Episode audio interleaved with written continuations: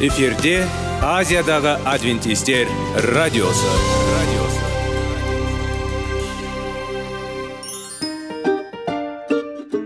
сәлем достар. Денсаулық өмір бұлағы және біздің бірінші байлығымыз демекші денсаулық сағаты рубрикасына қош келдіңіздер. Біздің рубрикада біз әртүрлі факторларменен мәліметтерменен кеңестерменен бөлісіп шын жүректен сіздердің дендеріңіз сау болғанын қалаймыз. Сол үшін біздің рубрикаға қош келдіңіздер. Дайындалып тұрыңыздар. Өйткені келесі минуттарда қызықты фактілерге ие боласыздар. Енді достар ең бірінші байлығымызды қолымызға алып алға кеттік.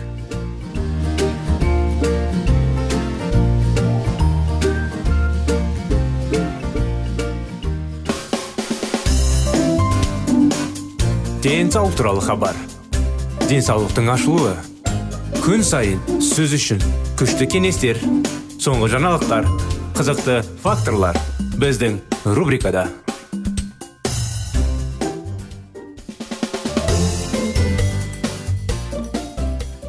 көптеген денсаулық жайлы анықтамалар көптеген мәліметтер және де зерттеулер біздің денсаулық сағат бағдарламамызда сіздер үшін құрметті достар құрметті тыңдаушыларымыз армысыздар.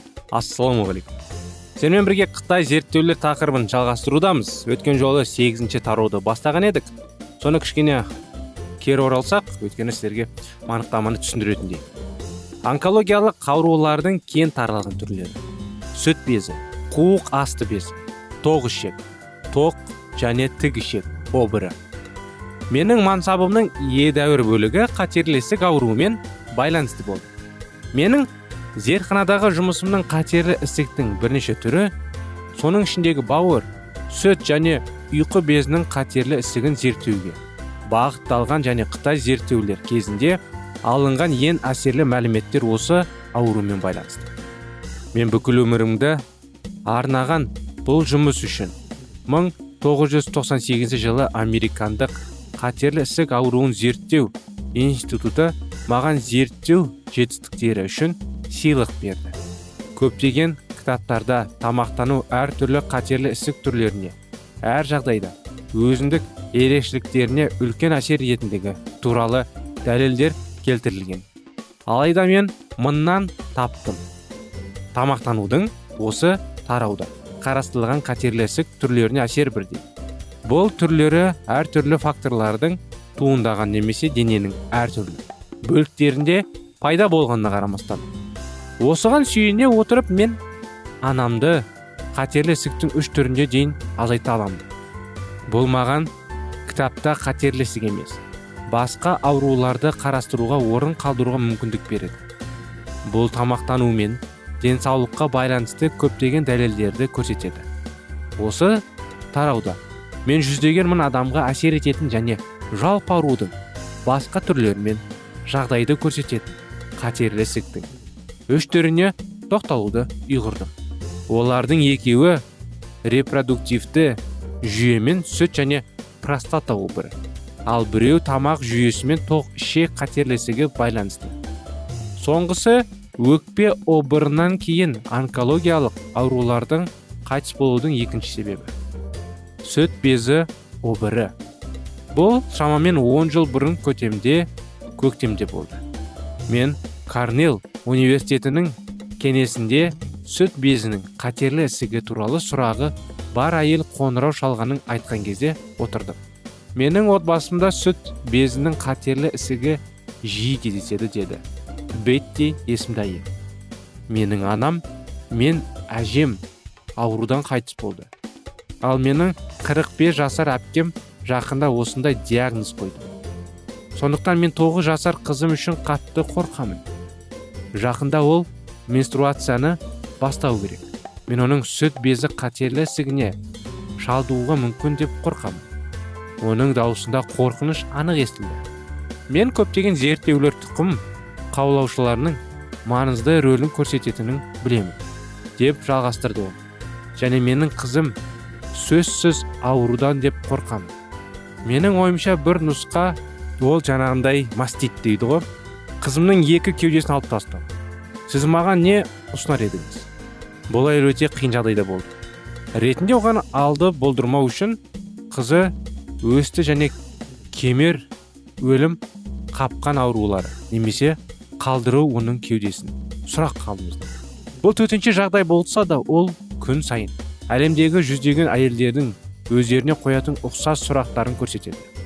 Бұл сұрақтардың пайда болуына сүт безінен қатерлі ісігіне жауап береді би рса бір геннің табылуы туралы бұрынғы есептер айтарлықтай ықпал етті. Бұл жаңалықтар нью йорк таймс және басқа да газеттер мен журналдарға түсіп оны үлкен жетістік деп жариялады. Берсия бірде және бүгін жаңағы екінші айналасында көтерілген алдау сүт безі қатерлі ісігінің генетикалық бейімділікке байланысты деген ойдың күшейтті бұл отбасында ауру жағдайлары болған адамдарға үлкен алаңдаушылық туғызады. Сонымен қатар ғылымдар мен фармацевтикалық компаниялар арасында дүрбелең туғызды. Жаңа технологиялар генетикалық тестелу арқылы әйелдерде сүт безі қатерлі ісігінің пайда болу қаупін бағалауға мүмкіндік береді. Аурудың алдын алуы және емдеу үшін осы жаңа геномды басқаруға болады деген үміт бар. Журналистер ақпараттың бір бөлігін іріктеп өлімге әкелетін генетикалық факторға ерекше назар аудара бастады. Бұл бетти сияқты аналардың алаңдаушылығын арттырған таң қаларлық емес. Біріншіден мен терапевт емеспін деп айтуым керек деп жауап бердім мен. Мұны дәрігер жасау керек.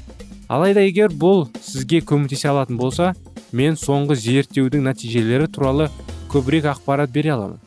Иә деп келісті ол. Бұл маған керек. Мен оған қытай зерттеу және тамақтанудың маңызды рөлі туралы аздап айттым. Егер адамда ауруға жауап беретін ген болса бұл ауру міндетті түрде пайда болады дегенді білдірмейді. Белгілі зерттеулер қатерлі ісік ауруының аз ғана бөлігі тек генетикалық факторларға байланысты екенін көрсетті. Мен бұл әйелдің тамақтану туралы қаншалықты аз белгетіне таң мен бұл әйелдің жаңағыдай таң қалдым. Ол генетика жалғыз қауіп факторы деп санайды. Және тамақ сүт безі қатерлі ісігінің дамуына да әсер ететінін білмейді. Біздің әңгімеміз шамамен жарты сағатқа созылды. Мұндай маңызды сұрақ үшін аздап. Әңгіме соңында менің түсінігім оны қанағаттандырмады деген сезім пайда болды. Мүмкін бұл менің консервативті ғылыми көзқарасым. Немесе оған қандай да бір ұсыныстар бергісі келуі мүмкін. Мүмкін мен ойладым ол процедураны шешті. Осындай сияқты анықтамалар достар. Әрине бұл беттидің оқиғасы бұмен аяқталған жоқ жалғасын келесі жалғастырамыз.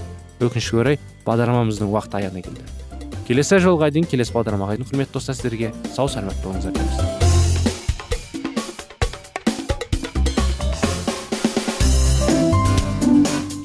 денсаулық туралы хабар. Денсаулықтың ашылуы күн сайын сөз үшін күшті кеңестер соңғы жаңалықтар қызықты факторлар біздің рубрикада.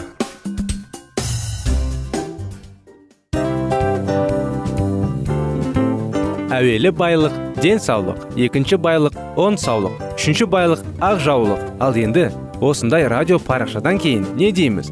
Барлықтарыңызға денсаулықтарыңыз зор болсын деп тілейміз. Денсаулықтың өзгеруі кішкентай нәрселерден басталады. Осымен біз берген кеңестер мен мәліметтер шын жүректен сіздер үшін қандай да бір болсын жәрдем берді деп үміттенеміз. Тыңдаушыларымызбен келесі радио парақшасына дейін қоштассамыз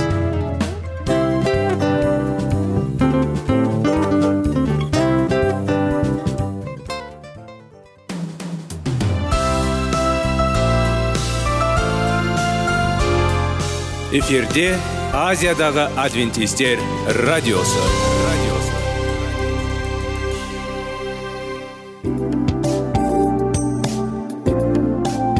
Сәлем достар. Барлықтарыңызға шын жүректен сөйлесек рубрикасына қош келдіңіздер деп айтпақшымыз. Шын жүректен сөйлесек бағдарламасы әртүрлі қызықты тақырыптарға арналған. Шындығында шын жүректен сөйлесек деген сөздің мағынасы екі достың екі адамның ортасындағы шын жүрекпен сөйлесуі бір біріне сенуі ашықтық пен шындықты білдіреді.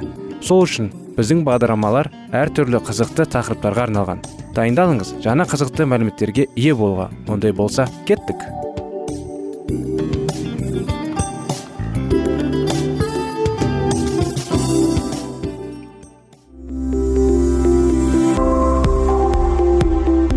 Алтын сөздер.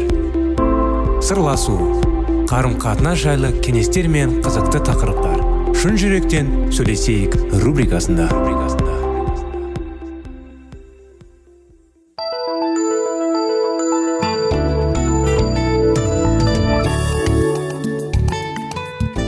Сәлем достар. Қалдарыңыз қалай? Армысыздар құрметті радио тыңдаушыларымыз біздің бағдарламамызға қош келдіңіздер. Сіздермен бірге шын жүректен сөйлесейік бағдарламасы. Сіздердің назарларыңызға керемет 25 неке оқиғаларын жалғастырудамыз. Күйеуі әйеліне қызмет ету дегеніміз ол оның балағаның барлығы орындау керек екендігін білдірмейді. Бұл оның өмірі үшін өз жаныңда құрбандыққа келтіру және оған пайда әкелетін мүдделерін қамын ойлап іске асыру. Иса өз қауымымен жетектегендей біз де әйелдерімізді жетектейміз. Иса бізге пайда әкелетін мұқтаждықтарымызды орындайды дегенмен кейбір кезде біз соның барлығын ұнатпаймыз. Жұбайыңыздың мүдделері сіздің артық көргеніңізге қарама қайшы шығынын көздері де болады. Исаның үлгісіне қарап ең ыңғайлы жеңіл жолын емес қайта ең жақсыны таңдау керек. Иса қауымды сүйіп оған құрмет көрсеткендей сіз де сүйіспеншілік пен құрмет көрсетуге негізделіп жұбайыңыздың мұқтаждықтарын орындауыңыз керек. Иса шәкірттерінің аяғын жауап алған соң олардың қожайыны болып қалғанын анық көрсетті. Ол өз билігіне бас тартқан емес дегенмен ол адамның ақыл ойына сыймайтын әрекет жасап биліктің жанықтамасын берді. Оның үлгісіне қарап бірлік бір бірімізге қызмет көрсету үшін берілген. Егер біз өз отбасымызды әйелдерімізге қызмет ететін жағдай туғызуымыз керек. Бізге отағасы ретінде ең басты қызметшілеріміз болуға жауапкершілік берілген. Осылай ететін болсақ әйелдеріміз өзімізге мойынсұнатын болады. Соны жалғастыра кетсек сендер мәсіхті қастерлейтіндікте бір біріне мойынсұныңдар дейді. Шәкірт бізге қандай өсиет беретін яғни келі рухқа кенеле беріңдер деп айтқаны есіңіздер ме? Сосын шәкірт адамның келі рухқа кенелуің нәтижесі қандай болатынын танды. Рухани ән жырларын айтып риясыздық білдіреді. Содан кейін бір біріне мойынсұндар дейді. Көбіне осы сөздер шәкірт неке туралы айтқаннан қатысты бар. Ағылшын келі кітабында бөлек сөйлеп бөлмектеп қойылған бірақ ақырында шәкірт ерекше назар аударған маңызды бөлімін байқамай қалды. Басқа тілде түпнұсқада аятында жанағындай шәкірт келі рух кенелген адамның қасиеттерлі жайында анықтамасын ұзық сөйлеммен кейін жазылған. Келі рухқа некеленген соңғы нәтижесі осы ақырға сөйлемде жазылған. Бұл сөйлемде өз еркімен жүруден бас тартып өзімшілдікпен тен толық ауру сонымен басқаларға кішіпейілдікті танытып қызмет ету жайында мағынаны білдіреді. Сонымен некеге келетін болсақ келі рухқа кенелген адам өз жұбайына мойынсұнатын болады. Көптеген адамдар мойынсұну туралы естігенде мені әйелдерге ғана қатысты міндет деп ойлайды. Бірақ шын мәнінде шәкірт елші ерлі зайыптылардың барлығы бір біріне мойынсұнуға тиіс екенін айтады. Осы аяттарда басқа тілде мойынсұн деген сөз әйелдер өз күйеулеріне мойынсұнуға тиіс деп жазылған аятында да пайдаланылады. Бір кезде мен әйелмен арамыздың жақсы болмай оны менсінбей жүргенде құдай маған тіл қатты былай деді. Ең алдымен әйеліңді менің қызым содан кейін бауырым ол сенің әйелің осы сөздер мені шошытып тәңірдің терең қастерлеуге түрткі болатын қалау терді. Ағайын құдай әрқашан сіздің жаныңыздағы болады екен. Ол сізге өз әйеліңізге қалай қарайтыныңызды онымен қалай сөйлесіп жүргеніңізді бәрін де біліп көріп тұрады. Оған сіздің сөздеріңіздің әрі жүргеніңізді түкпірлеріңіздегі барлық ой ниетінің сырының да мәлім. Сіз өз әйеліңізді сыйлау арқылы құдайға құрмет көрсетіп отырсыз ба? Егер сіз жұбайыңызды менсінбей жүрсеңіз онда бұл сізді құдай менсінбеңіз болады. Шәкірт күйеуі өз әйелі үшін тіпті өз өмірін қию керектігін жалғастырып айтады. Басқа сөздермен айтқанда ол оның мүдделерін қамын ойлап соларды орындау арқылы жұбайына мойынсұнады екен. Мәсіхтің билікті өз пайдасы үшін пайдаланған жоқ. Ол бізге күшті рыту үшін соны пайдаланды. Дәл осындай біз әйелдеріміздің пайдасы және олардың күшті болу үшін биігілігімізді пайдалануымыз керек. Мәсіх өз қалыңдығы қасиетті етіп даңқ асыру үшін жанып құрбандыққа берді. Қауының мақсатына жеткенің мәңгілік бас тәжіне ие болудың мәсіхтің артық қуанышы жоқ. Тәңірдің жолында өзімшілдікте орын болмайды. Сіздің басты міндетіңіз әйеліңізбен өмір бойы қызмет етіп оған және осы дүниеге мәсіхтің кім екендігін көрсету. Егер осындай отағасы болсаңыз онда ол өзіңізге құдай берген билікке оңай және қуанып мойынсұнатын болады. Әйел өз күйеуіңді қолдай біл дейді. Әйелдер иемізге мойынсұнғандай күйеулеріңе де мойынсұндай тек мәсіхтің сенушілер қауымының басы болған сияқты. Еркек әйелінің басы. Мәсіх сенушілердің құтқарып алады. Енді қауым оның рухани денесі. Шәкірт ерлі зайыптыларға сендер мәсіхті қастерлегендіктен бір біріне мойынсыңдар. Жазылғанды есіңде болсын дейді. Келесі аятта ол былай деп жазды. Қауымның мәсіхке мойынсұнғандай әйелдер де барлық істе күйеулеріне мойынсұнуға тиіс. Көптеген адамдар осы нұсқау керек еместігін деп ойлайды. Некеде бірінен үстем болу деген нәрінен болмайтындығының әйел күйеуіне тең болып оған берген жауапкершілікті бірге алады. Бұл күйеуінің жетекшілігіне қарама қайшылық болмайды. Себебі екеуіне өз отбасында әрі айналасында билікті болу әрі әсер етуге бірдей жауапкершілік берілген. Билік бар жұбайы былай дейді.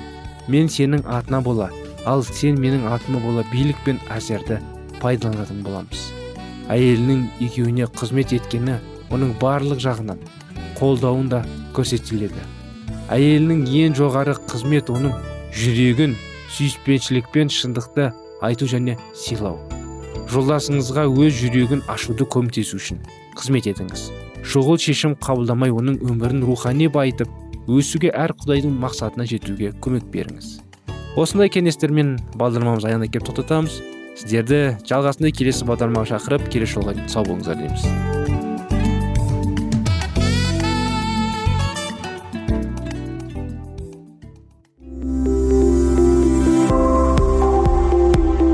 Алтын сөздер. Сырласу. Қарым қатынас жайлы кеңестер мен қызықты тақырыптар. Шын жүректен сөйлесейік рубрикасында.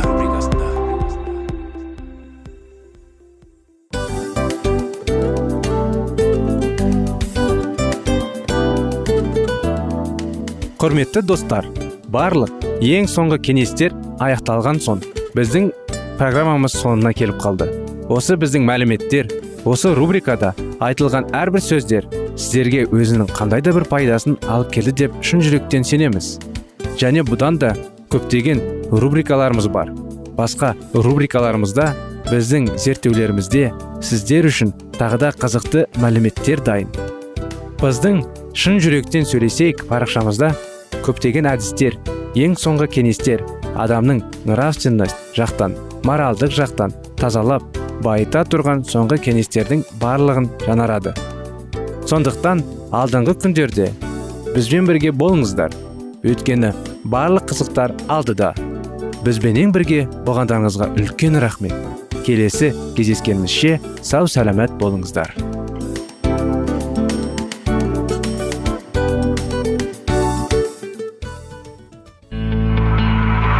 Жан дүниеңді байытқан жүрегіңді жаңғыртқан өмірдің мағынасын ойландырған рухани жаңғыру рубрикасы.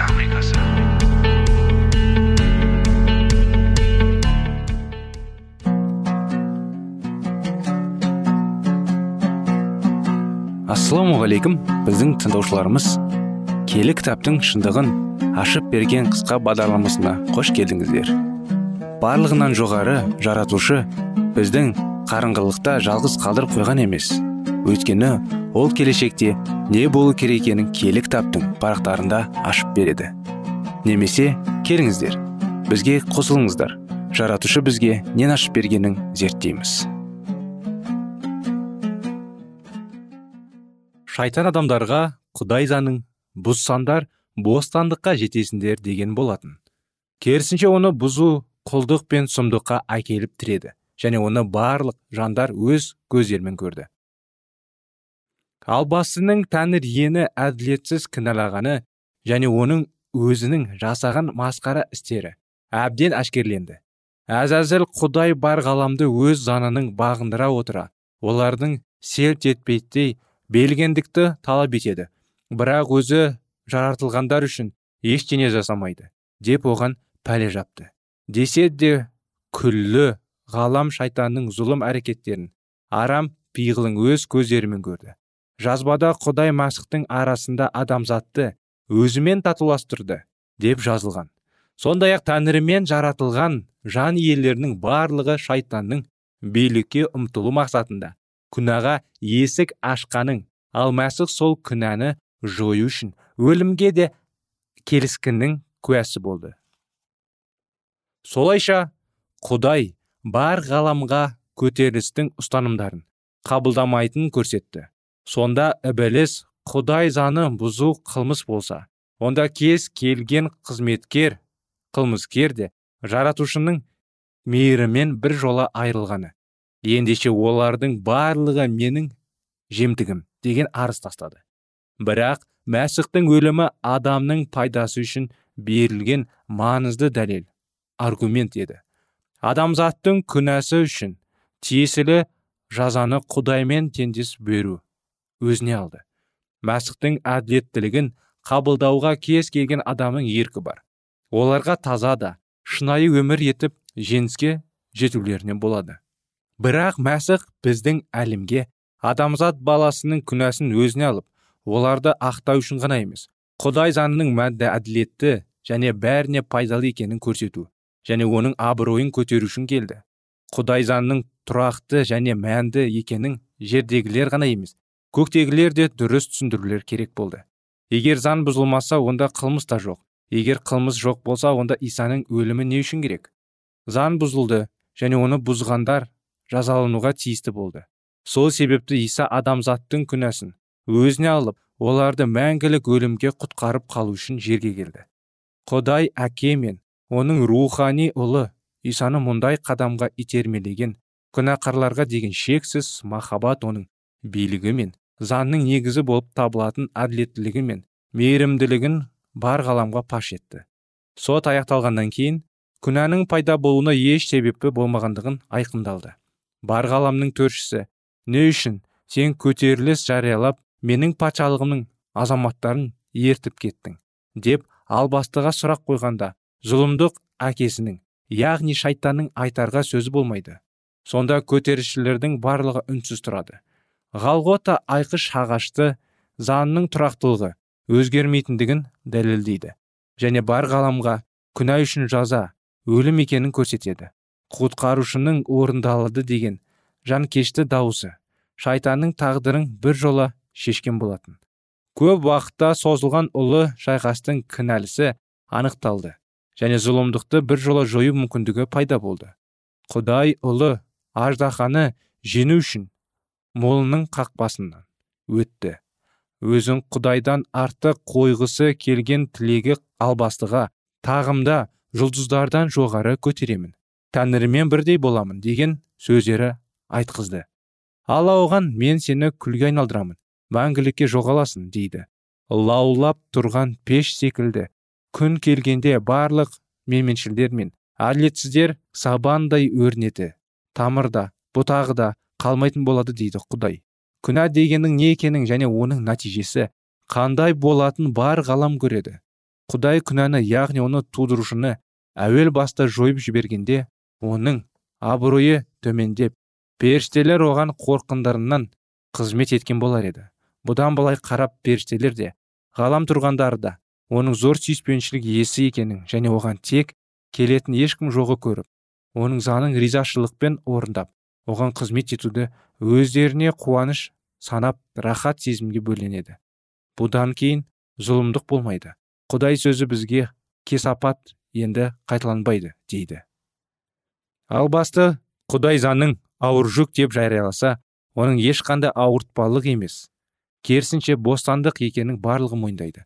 Сынақты өтіп оған шындап шыққан жандар өздерін шексіз жақсы көретін тәңірлеріне деген сенімдерінің айырылайтын болады. Отызыншы тарау. Адамзаттың қас жауы. Сені мен әйелдің арасына сенің тұқыммен әйелдің тұқымының арасына. Өшпелдік саламын. Ол сені бастан соғатын болады. Ал сен оны өкшеден шағатын боласың. Адам күнә жасағаннан кейінгі құдайдың шайтанға шығарған бұл үкімі сонымен қоса барлық ғасырлар өмір сүріп жатқан адамзат балаларына бастарының кешетін ұлы шайқасқа нұсқап тұрған боян болатын. Араларына өшпенділік саламын дейді алла. Бұл жауласу өзінен өзі пайда болған сезім емес. Адам құдай заңын бұзғанда оның табиғаты да өзгереді. Бүлінді сөйтіп шайтан мен екеуінің арасында ұқсастық пайда болды. Ойлап қарасақ күнәқар адам мен күнә әкесінің арасында алауыздық жоқ қайта достық бар. Екеуі де құдайдан безгендіктің салдарынан күнәға батты. Содан бастап ұлы өтірікші тыныштығын жоғалтты. Тек алданғандар оның ізімен жүргенде ғана албастының жаны жай табады. Сол себепті де азап кеткен періштелер мен жексұрын адамдар заңсыз одақтасы. Егер де құдай олардың істерінен араласпағанда шайтандар мен адамдар бірігіп құдайға қарсы соғыс жариялаған болар еді. Шайтан періштелерді алдап өз қақпана түсіргенде адамдарды да азғырып оларға күнә жасатуға тырысты. Себебі оның өзінің жауынгерлерінің қатарын көбейту керек болды. Ал да және құдайдың безген періштелерде мәсіхті бірдей жек көреді. Ал басқа сұрақтарға келгенде олардың ойларында елеулі айырмашылық бар. Дегенмен ғаламның патшасына қарсы шайқас олардың бастарын біріктіріп тұр. Сені мен әйелдің арасына сенің тұқымның әйелдің тұқымының арасында өшпенділік саламын деген сөздерді естігенде шайтан қатты қобалжыды. Өйткені енді оның мүмкіндіктері шектеулі болмақ. Басқаша айтқанда адамның шайтанның күші мен әсеріне қарсы тұруға мүмкіндік болады.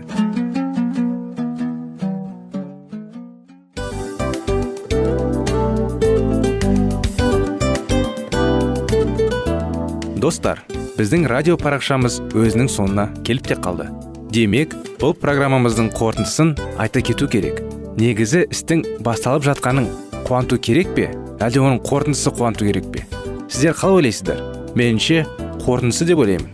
Себебі жасаған ісінің жемісін көріп қорытынды арқылы бағалап жүрегін қуантады. Баяғыда айтқандай бидайды сепкенде емес бидайдың жемісін жинаған кейін ыстық нанды жегенде кәдімгідей рахаттанасың ғой. Осымен біздің бағдарламамыздың аяғында тыңдаушыларымыз қандай пайда алды екен деген ойдамыз. Егерде өткен сфераларда пайдалы кеңес алған болсаңыз біз өзіміздің мақсатымызға жеткеніміз. Бүгінгі 24 сағаттың алтындай жарты сағатын бізге бөліп ардағаныңыз үшін рахмет. Келесі кездескенімізше қош сау болыңыздар. Достар біздің бағдарлама бойынша сұрақтарыңыз болса әрине сіздерге керекті анықтама керек болса біздің whatsapp нөмірімізге хабарлассаңыздар болады. Плюс бір үш жүз бір жеті жүз алпыс алпыс жетпіс иә достар сіздер қателеспедіңіздер бұл біздің номерлерге ұқсас болмаса да бұл whatsapp номер арнайы. Хабарласыңыздар сұрақтарыңызды қойып тұрыңыздар. Анықтаманы алып тұрыңыздар. Плюс бір үш жүз бір жеті жүз алпыс алпыс жетпіс номері.